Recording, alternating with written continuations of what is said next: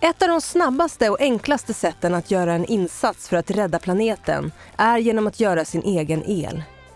Du lyssnar på första avsnittet av ett samtal mellan Johan Ehrenberg och Moa Elf Karlén om Johans lilla egen elbok.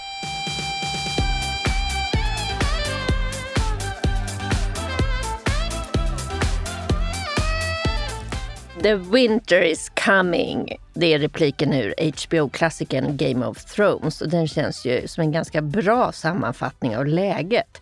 De svenska hushållen ser just nu över alla sina kostnader. Räknar på ränta, stigande inflation, stigande matpriser, stigande bränslepriser och så den där fruktade elräkningen. Jag heter Moa Elf Kalén och är förlagschef på Leopard förlag och jag sitter här med Johan Ehrenberg, grundare av ETC och författare till Johans lilla egen elsbok om att göra el tillsammans. Välkommen Johan! Tack ska du ha. Vi ska prata om det här med att spara el, men framför allt ska vi prata om hur vi kan skapa ny, billigare och renare el genom solceller och skicka ut det i det redan befintliga svenska elnätet. Du Johan ska få svara på vad en solpanel är egentligen. Vad är watt egentligen? Och är det sant att jag får installera solpaneler alldeles på egen hand, jag som inte vet någonting om det här? Du som lyssnare ska få lära dig om växelriktare, brytare, proppskåp och elnätsavgifter. Och sen också de hundra bästa tipsen för att spara el. De tipsen har du skickat ut som en efterlysning Johan och fått in från lyssnare och läsare av dagens ETC.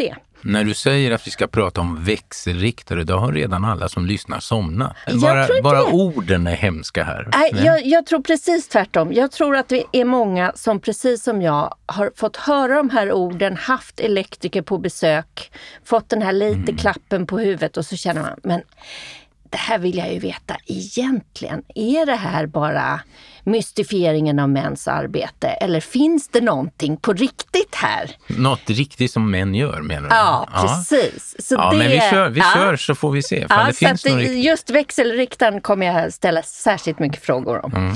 Men eh, okej, okay. solceller, det jag behöver veta på 20 sekunder. Kör! Solceller är ett jätteenkelt sätt att göra el. Du behöver när du väl satt upp solceller aldrig göra något mer utan de producerar elen till dig så fort solen skiner. Så enkelt är det. Bra. En solpanel då? Vad är det? Det är den som alstrar solelen och den består av olika ämnen som eh, oftast man inte behöver bry sig om därför att det blir väldigt tekniskt. Men det är en panel som oftast är en och en halv gånger två meter. Okej. Okay en och en halv gånger två meter. Och vad händer där inne i den ja, där det, panelen?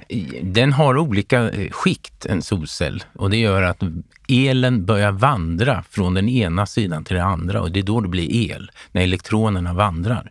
Ja. Och sen har en solcell en plussladd och en minussladd. Och man kopplar sin minussladd till nästa plussladd på nästa solcell. Så kopplar man ihop solcellerna på det sättet och efter ett tag har man kanske tio solceller. Då har man väldigt mycket el. För att det blir mer el för varje panel som man kopplar in. Den är väldigt ompratad som något komplicerat och svårt, men det är faktiskt bara en platta som gör el. Super! Okej, okay. och varför är det här viktigt då? Jag tänker det stora perspektivet med vilken mm. typ av bränsle, eh, energikällor som vi använder idag. Varför är det viktigt att vi satsar på sol? Det är den enda lösningen vi har för klimatfrågan när det gäller energi. Det är det enda som är billigare än all den el vi producerar idag och kan ersätta kol, olja, gas här och nu. Det är inga framtida saker, utan det finns här och nu. Och det har fungerat. Solceller är ju inte nya, de har ju funnits i 50 år. Och vi vet hur bra de är. Vi vet hur stabila de är och vi vet att de kommer att ge el hela tiden när solen skiner. Men du, när du säger det enda, ja, ja. men vind, vatten då? Ja, men alla andra produktionsmetoder bygger på att man måste bygga något väldigt stort och komplicerat. Vattenkraften kräver att du reglerar älvar, du gör om naturen. Det är enorma klimatutsläpp om man bygger ny vattenkraft. Den gamla som finns, den, den har ju redan gjorts, så att säga. Och vindkraft har problemet med att det eh, låter, det är för nära människor, de är lite stora och otympliga i landskapet så därför vill vi få ut dem i havet istället. Långt ut i havet, där ska vindkraften vara tycker jag. Och det finns naturligtvis problem med produktion av alla maskiner, och, men solceller har väldigt, väldigt få problem. Vindkraft lite mer problem. Men de andra produktionssätten, de smutsiga, de har ju jätteproblem. För de kommer aldrig kunna bli rena. Mm läste i din bok att 80 procent av energin som vi använder kommer mm. från ja, smutsig energi. Då. Ja. Kol, olja, gas. Ja, när man pratar energi så brukar man ju prata om, man kan göra värme, man kan göra el, man kan, det finns olika energier. Men den absolut viktigaste är el. Det är den vi använder för olika delar av samhället. Och den är tyvärr jättesmutsig. Helt i onödan. För den har haft det här rena sättet att producera som vi inte har använt. Och det beror ju på att någon har ju haft makt över energisystemet och energibolagen. Och de har ju tjänat väldigt mycket pengar på olja och gas och, och sådana saker. Medan solceller har ju en jättenackdel. För om de väl har satt upp solcellerna så är det ingen annan som tjänar pengar på dem. Det är ingen som behöver leverera någonting till solcellerna för att de ska ge el. Det gör de automatiskt. Men om du eldar i en, i en kamin för att göra värme, då måste du stoppa i nya vedklabbar eller pellets eller vad du nu har för att det ska brinna och bli varmt. Med solceller behöver man inte göra någonting när man väl har satt upp dem. Om 80 procent av den energi som vi använder kommer från kol, gas och olja, de här smutsiga energislagen som vi vet att vi måste fasa ut på grund av klimatomställningen. Varför går det inte fortare då? Därför att elsystemet ägs utav, i Sverige, det fyra stora bolag som om svenska folket börjar sätta upp väldigt, väldigt mycket solel så kommer ju de naturligtvis få problem. Det blir, deras el blir mindre värd. Försäljningselen från eh, kolkraft i Tyskland har krossats av att Tyskland har satt upp så mycket solceller. Så det är klart det finns en tröghet när man förvandlar ett system från ett smutsigt system av stora centrala elproducenter och sen får vi el som kallas två hål i väggen och sen är det klart. Så ändrar man det systemet till att alla kan vara med och göra el och kan göra det på sina hus alla kommuner kan bli självförsörjande på konsumtionen av el och så vidare. Det är klart att de stora tunga krafterna då vill, men vänta lite nu. Ni tar ju bort hela vår marknad. Och men, det är det man gör.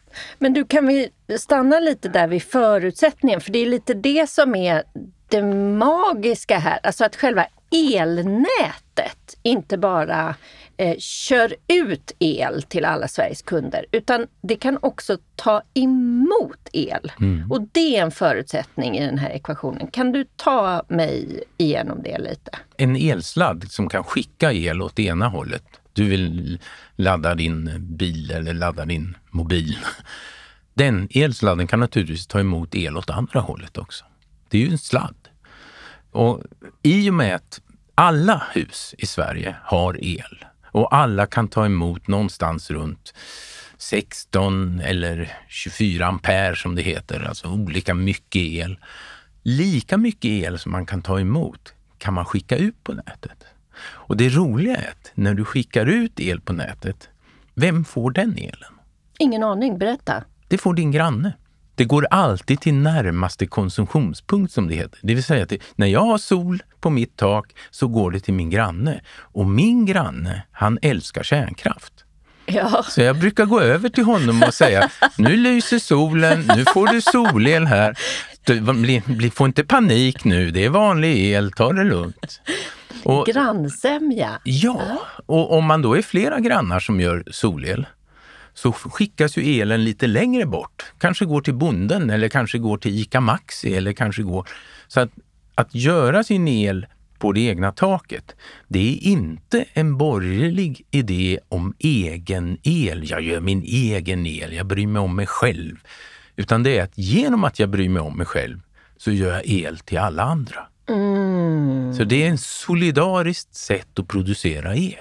Okej, men lite motargument då. De som säger att ja, men tekniken går så snabbt framåt så att eh, de här solcellspanelerna som finns på marknaden idag, det kommer vara så otroligt mycket bättre grejer om bara några år. Så det är bättre att vänta så får man schysstare grejer. Ja, det finns två motargument där. För det första så kan vi inte vänta, för det är nu vi måste ställa om elsystemet och det är nu vi måste skydda vårt elpris. Det är nu vi måste göra det hållbart för oss själva. Och det andra är att solceller har ju funnits och de utvecklas nu ganska sakta när det gäller teknik. Däremot blir de billigare, det stämmer. De har blivit mycket billigare sedan jag började. Jag började ju 2008. Då kostade det tio gånger mer än det gör idag. Så att det har fallit enormt snabbt. Men nu har vi nått den nivån att solceller är så billiga att det som blir dyrt, det är arbetskraften som ska hjälpa en att sätta upp det. Det går liksom inte att vänta på något och tro att man tjänar pengar. Utan nu är det dags att göra det. För jag, den marknad som vi har och de elpriser vi har, det finns ingenting som blir bättre av att man väntar ett eller två år. Det finns ingen ny teknik där borta. I och med att man har solceller så kan man lägga till nya saker senare. Man kan lägga till en elbil som får sin el ifrån mm. solcellerna. Man kan lägga till batterier i sitt hus om man vill det. Mm. Och det kan man vänta på för de kanske blir bättre. De kanske utvecklas. Det, det vet vi ju inte men det, troligen gör, händer ju teknikutveckling även där. Så själva solcellen, om man ser det som, det är som en, ett hus. Du måste ha ett tak, du måste ha väggar. Om vi tittar på el på samma sätt, du måste ha solceller för att kunna producera elen. Hur du sen använder den och hur du skickar ut den och hur du lagrar den, det är en annan diskussion. Det kan vi ta sen. Men vi måste börja sätta upp solcellerna och göra vår egen el. Alltså om jag nu säger jag vill sätta igång med det här då, då är det ju lätt att misströsta lite känner jag. Alltså att det är lite för eh, svårforcerat alltihopa. Alltså vilken panel ska jag välja? Om vi börjar där. Nio gånger av tio välja en vanlig kiselpanel. Det är en helt svart panel eller blå färgad panel och de har funnits nu i 50 år och det är de som har blivit så mycket billigare. Sen finns det specialpaneler för den som vill göra runda solceller eller den som vill göra genomskinliga, transparenta solceller. Men det där är småsaker som man kan eh, jobba med om man vill göra något väldigt estetiskt eller vackert. Men de här vanliga svarta solcellerna, de sätter man på sitt tak idag. Och de, eh, är det ett svart tak så kommer man knappt att märka att man har solceller. Jag gillar ju folk som sätter upp de blåa solcellerna lite, här, lite spräckliga. För då talar man om för alla grannar att jag har solceller. då, då blir det lite så här, vad, vad, vad är det på ditt tak? Vad är det där för någonting? Ja, det är solceller. Det är fina grejer. Det borde du också ha, Kurt. Och så får Kurt då titta på dem. Okej, okay. och det här med att jag får installera dem själv, är det sant? Alltså, ja, du får jag ju... som inte kan något om el. Ja, det, jag tycker nog att man ska kunna något om man, ja. om man gör det. Eh, till att börja med så ska man inte sätta upp solceller på tak om man inte kan klättra på taket. Utan då ska man bygga en byggnadsställning runt om så att det är säkert arbete. vettigt. Och ja. sådana saker. Jag har ju sån här säkerhetslina om man jobbar på tak. Det här vet ju alla villaägare. Man klättrar ju inte gärna upp på taket om man inte kan det och vet hur man går på ett tak. Och det andra är att man får sätta upp panelerna. Du får sätta upp dem med ställningar så att det blir enkelt, aluminiumställningar oftast, så det är enkelt att kunna flytta dem och lägga dem där de ska vara och så vidare. Men du får absolut inte koppla in dem själv. Det måste en elektriker göra. Okay. Så man får dra sladden ner till elektrikern som står där nere och väntar och säger ja det där ser bra ut. Det är en plussladd och det är en minussladd. Nu vet jag vad jag ska göra. Och sen kopplar han in det i elsystemet. För okay. det, det, är direkt olagligt och göra det själv. Okej, okay, don't try this at home. Då har vi med oss det då. Eh, jag tror inte att jag kommer göra det här själv utan jag tror faktiskt att jag kommer be om hjälp. Men om jag nu skulle göra det själv, finns det några så här, det här ska du absolut inte göra. Förutom att inte sätta in den i proppskåpet. Då. Jag gissar, sätt den inte i skuggan av en skorsten. Ja, det finns ju egentligen bara en motståndare till solceller och det är skugga. Och skuggan kan ju komma från en tall som man glömde att man hade och då missar man ungefär hälften av den el man skulle få om tallen inte var där. Om du har en lyktstolpe som vandrar med en skugga över hela ditt tak, då förlorar du 30 procent av din el. Och det där blir man ju tokig på. Sen då tar man ju sågar ner lyktstolpen. Eller tänker till lite innan, var ska jag ha solcellerna? Men sen, förut var det ju så att man satte bara solceller mot söder. Mm. För att det är mest sol där. Mm. Nu sätter vi alltid solcellerna på alla sidor. Och det är därför att solcellerna har blivit så billiga. Så även på norrsidan får du tillräckligt mycket el för att kunna betala solcellen. För det är ju så man har tänkt. När solceller var dyrare, då ville man sätta dem på den absolut bästa platsen. Nu sätter man där man har bra plats. Och absolut enklast och bäst är att kunna sätta på den östliga sidan och den västliga sidan av ett tak, alltså på bägge sidor om taket. Mm. För då får du från öst, kommer mm. solen upp, då lyser den på solcellerna när du slår på spisen på morgonen. För det är alltid på morgonen människor gör av med mycket el. Och då får du mycket solel från ditt östra tak. Ah. Sen kommer du hem från jobbet och nog sjuttsingen slår du på spisen igen av någon anledning så ska du laga mat eller ni tittar på grejer i tv. så. Då vill man gärna ha solen på väster sida, på västertaket. Och det där blir mer ekonomiskt än att bara ha på ett södertak. Mm. Och det här är helt omöjligt för fem sex år sedan. För då tyckte man att solceller var lite dyrare. Och då försökte man räkna hem solcellerna på sju åtta år. Nu, nu, nu sker det automatiskt för solcellerna är Hur så billiga. Kan man räkna hem det? Ja, alltså med de elpriser vi ja. hade i år så räknade jag hem en ny anläggning på fyra år. Oh. Okay. Så att det, är liksom, det, det, är ett skämt jämfört mm. med att bara fortsätta. Och, och, det är också ett skämt jämfört med tanken på att vänta. Vi kommer att ha en elkris i Västeuropa i många år framåt eftersom det är vi som ska ta bort fossil olja, kol och gas. Och det ersätter vi med el. Och då måste det vara ren el. Och eftersom vi inte har satt upp solcellerna än, eftersom vi har hållit på att bromsa vindkraft och vi har bromsat utvecklingen av annan ren el. Ja, geoenergi till exempel, borra djupt ner i marken, det är ett fantastiskt sätt att göra ren el. Då kommer det att ta tid och då kommer elpriset att vara högt. För så fort man plockar bort gasen och ersätter den med till exempel ja, solceller, ja, då får du billigare el. Men innan alla har gjort det så blir det brist på el. Mm. För vi måste bli av med gasen, kolet och oljan snabbt.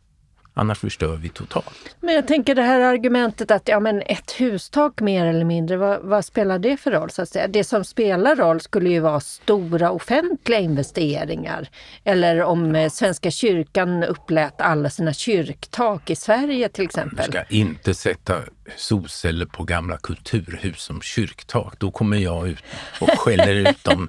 ja, men, Man sätter okay. dem på marken vid kyrkan i så fall. Ja, eller på åkrarna. Jag hörde ett inslag häromdagen bara om, om hur man kunde liksom placera solcellerna på åkermark så ja. att det gick att bruka marken samtidigt. Ja. Jag menar, det den här ingen, typen det... av lösningar, det är ju mycket mer effektivt än att bara hålla nej. på och prata om små tak hit nej, och dit. Eller? Det är precis tvärtom. För att när man gör stora solcellsanläggningar, och det gör ju jag också. Ja. Jag sätter ju upp stora parker och sånt. Ja. Det enda man, Katrineholm, ja, den som är nyfiken. Ja. Mm. Det enda man gör då det är ju el som åker ut på nätet. Men om jag gör elen hemma på mitt eget hus, då får jag mycket bättre betalt. För då behöver ju inte jag köpa el. När jag säljer el från min solpark, då får jag betalt det som kallas Nordpolpriset. Och det är kanske, säg att det är en krona. Mm.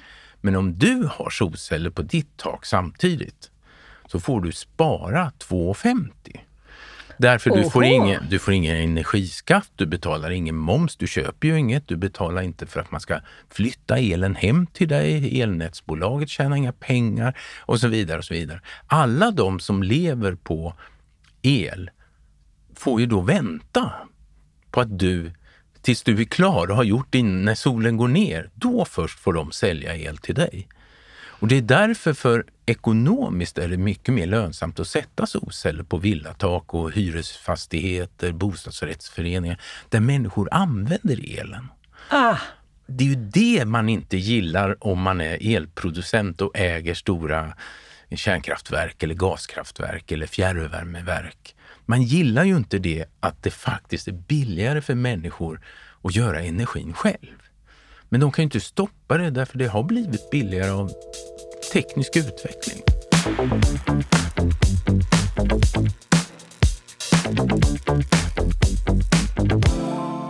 Du, jag ska ta ett sånt här motargument till som jag skulle behöva lite eldunderstöd i. Alltså de som säger att nej, men vi kommer alltid behöva kärnkraft därför att det är inte alltid solen skiner eller det blåser.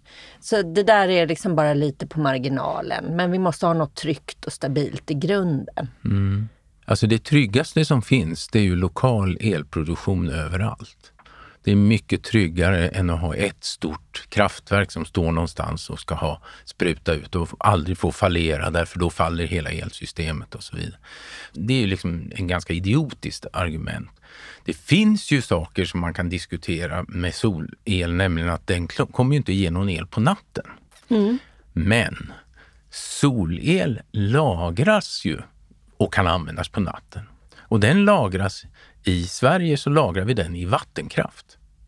Och det här är lite knepigt, men det, det, när man tänker efter är det ju ganska självklart att när det är väldigt mycket sol och väldigt mycket el som produceras utav solcellerna så kommer ju vattenkraften att bromsa. För den vill ju inte sälja en billig el när alla har nästan gratis el från sina tak och så, utan den, den väntar ju vattenkraften. Och då innebär att dammarna fylls.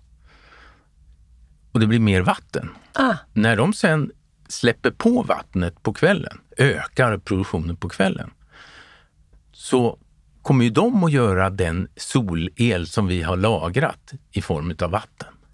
Och det där, att lagra solel i vattenkraft, det gör vi i Sverige varje dag. Vi lagrar också vindkraften i vattenkraften varje timme. Och det gör att vi alltid kan producera 24 timmar om dygnet. Sen finns det ju andra energislag som man kan lägga till här till exempel. Eh, det finns ju, man kan ju göra ren värme med solvärme så man slipper använda elen till det och så vidare. Det finns andra sätt att få det här att funka. Men tanken att man inte kan lagra sol till natten eller till vintern, det är en ren lögn. Och det har vi nämligen som människor gjort alltid. De första, ska vi säga, om man inte har vattenkraft, då kan man bygga vattenkraft. Det kallas för pumpkraft. Det betyder att man har en sjö. Ja. Från den sjön pumpar upp vatten i en sjö eller ett damm som är högre upp.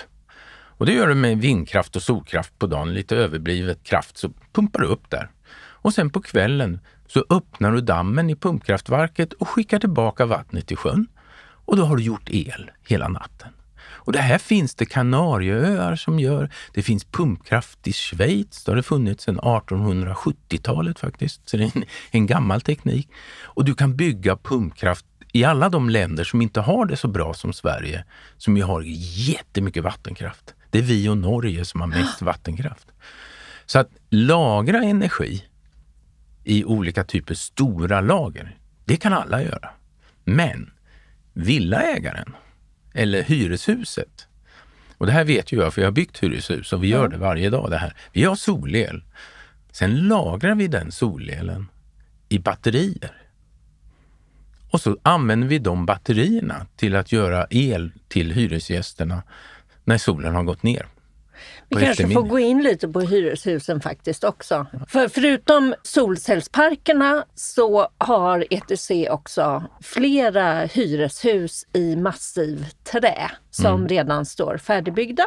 Både i Västerås och i Växjö och mm. flera till kontrakterade. Mm. Vill du beskriva lite kort varför de här energismarta husen är intressanta i det här sammanhanget? Ni använder solceller solpaneler. Ja, ja, ja, Vi bygger hus som har väldigt tjocka väggar. och som återanvänder värmen i huset när vi ska ventilera så att vi får tillbaka den värmen. Och det gör att de här kallas för passivhus. De köper väldigt lite energi. Vi har inte ens dem kopplade till fjärrvärmen. Utan de står helt själva de här husen. Och så har de jättemycket solceller på taket och så har vi lite bergvärme och så har vi en värmepump. Och värmepumpen drivs ju med el. Så solcellerna på taket gör all värme som huset använder. De här husen använder ungefär 80 000 kilowattimmar per år, mm. hyresgästerna. Mm. Vi producerar 150 000 kilowattimmar per år. Så tack vare att vi har mycket solceller så gör de här husen mer el än vad vi behöver. Det är det nya sättet att bygga elsystem som kommer att slå igenom över hela världen. För att, att göra för mycket el är jättebra. Det kunde man inte förut för det blev väldigt dyrt. Men eftersom solcellerna gör ju gratis el när de väl sitter på taket. Det kostar ju ingenting att det lyser på dem. Ja. Så är det bra att ha för mycket el för då kan man använda den elen till annat. Just våra hyresgäster får ju då ladda elbilar. Jättekul, hela området kan ladda sina elbilar i våra hus. Just det, ni har bilpool som ingår då? Ja, nej, men även mm. grannarna kan mm. åka dit med sina fina bilar och ladda. För vi har ju så mycket el, så det funkar ju för oss. Det här sättet att bygga, jag är lite förvånad över att det är så självklart att man minskar först på energislöseriet så mycket man någonsin kan. Och så producerar man så mycket el som man kan. Då får man ju ett hållbart hus. Klimatpositivt. Speciellt om det är byggt i trä som våra hus är. Det är bara trä i de husen. Så solceller har gjort det möjligt att göra självförsörjande hus. Och det här fanns inte på kartan för mm, tio år sedan. Det fanns ingen som visste att det här skulle komma. Så det är ju inte bara energibolagen som blir lite oroliga här, utan även fjärrvärmeindustrin blir ju väldigt orolig. Byggindustrin blir orolig. Alla de, ska vi säga, stela maktstrukturerna vi har i samhället utmanas av de här löjligt enkla, platta panelerna som man kan sätta upp lite här och var. När jag tittar på de här husen så tänker jag att det är också som att titta in i framtiden och att framtiden redan är här. Kan vi prata lite om framtidens energilösningar? Hur tror du att solcellerna kommer användas inom en nära framtid? Kommer vi vara begränsade till de här äh, panelerna som sitter på tak eller som sitter i parker? Nej, solcellerna kommer att sitta överallt. Därför att solceller kan man ju sätta som bullerplank, man kan sätta det i trädgårdsstaket. Eh, det brukar säga sig om, om du vill ha ett staket och tycker om grannen, då lägger du ner panelen så att det blir lågt, 120 centimeter. Då behöver du ingen bygglov. Om du inte tycker om grannen, då reser du på panelen så blir det två meter högt plank. Men då måste du ha bygglov. Så vi, kan, vi kommer att se, alltså man, vi har ju satt, skaffat solceller som vi har som trottoarer. Man går, trottoarer? Ja, de ser ut som de här cementklumparna som du har ute i trottoarer eh, mm. i, i, städerna. Mm. Men vi har ersatt dem med solceller i samma storlek. Och då kan man alltså bygga trottoarer som gör solel. Ett annat sätt... Men vad händer när det snöar? Alltså det, ja, det händer vi precis har plaskat sam... hit. Det händer samma sak som när vi går hit på de här cement eller betongplattorna. Solceller är ju hållbara. De går ju inte sönder för att det regnar. De är gjorda för att kunna vara, i det här fallet, ersättning för trottoarer. Om jag får lägga ut det, vi lägger ut dem i våra hyreshus där på gården. Då vet ju jag nu efter två år så har folk vandrat på dem där ja. och barn har sprungit på det och jag har gått i högklackade skor när jag ska på fest och, och sådana där saker.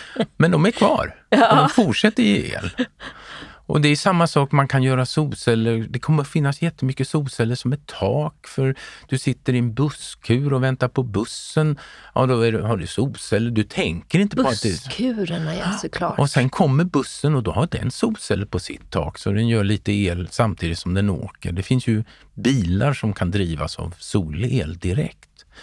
Så att du kommer att ha solceller integrerat i allting. Även i husfasaderna? Ja, ja, ja. Då gäller det att se till att det är vackert. Bara. Ja, Man måste men, ha duktiga arkitekter här. Men det är också bara svart eller blått? Är det en begränsning? Nej, jag har solceller som är bruna och gröna och blåa. Det finns? Ja, ja, det finns. Men det blir mycket dyrare. Så att det blir ju hantverk då. Att du får någon, du beställer en solcell i en viss kulör. Det kan du göra, absolut. Eh, men då får man gå till de här små fabrikerna. Oftast finns de fabrikerna i, i Baltikum eller i Tyskland och de gör små upplagor. Vi har precis gjort solceller som är balkongräcke och då tillverkade vi dem tillsammans med andra i Polen. Så att det här att man måste gå till Kina, det stämmer inte. När man mm. gör sådana här specialbeställningar, då är det nästan alltid närliggande små Men du, det innebär också att jag som då bor i hyreshus och inte har en villa, då skulle jag kunna ha solceller ändå? Ja, alltså det finns, vi har faktiskt flera kunder som har köpt balkongel, kallar vi det. Ja. Problemet är att man måste ha tillstånd från hyresvärden. Och är hyresvärden korkad, vilket de flesta är, så blir de sura om man gör det där. Ja. Eh, om det är en vettig hyresvärd så säger han, nej men det är bättre om du lånar taket av mig. Vi har ju hela det här taket på hyresfastigheten. Det är klart att de som bor, ni ska få kunna göra er el på taket. Så det är det jag hoppas på genom att visa de här hyresvärdarna hur lönsamt det är med solceller. Så kanske de kan inse att de får faktiskt nöjda hyresgäster som får bättre ekonomi om de får hyra hyreshusets tak så att säga. Mm. Och så får hyresfastighetsägarna också lite pengar.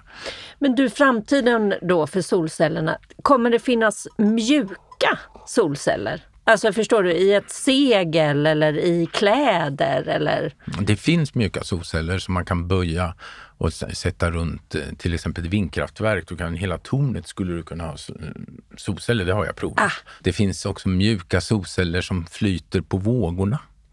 Det finns ett svenskt företag som heter Midsummer som tar fram sådana som liksom, du kan ha på en insjö som ligger flytande där. Det finns solceller som man bygger in i kläder också, ja. men det, är väldigt, det blir ju väldigt lite el och det blir ganska dyrt jämfört med att eh, ha solceller som är mer gjorda för olika typer av installationer. Norrköping trycker de solceller på stora plastrullar. Och det gör de för att de ska, då kan man ju verkligen böja dem. Och då kan man göra solcellerna så bra att solcellerna kan vara inomhus. Och sen ger de el till till exempel brandvarnaren istället för att du har batteri. De ger el till wifi man har och sånt där. Genom den, ska vi säga, det ljus som finns inne mm. i en lägenhet. Mm. Så att solceller utvecklas hela tiden, men då, då är de inriktade till vissa specialfält. Jag vet inte, nu har vi en massa hörlurar här där vi sitter och pratar. Mm. Det finns solceller som bara monteras på hörlurar. Så när man går runt på stan och lyssnar på musik så blir det en evighetsmaskin. Man behöver aldrig ladda hörluren, vilket mm. ju en del då, mm. som inte vill prata med andra människor, kanske tycker det är trevligt. Så, men de absolut billigaste solcellerna, det är de som man producerar på samma sätt, i samma storlekar över hela världen. Och absolut mest solceller producerar de i Kina.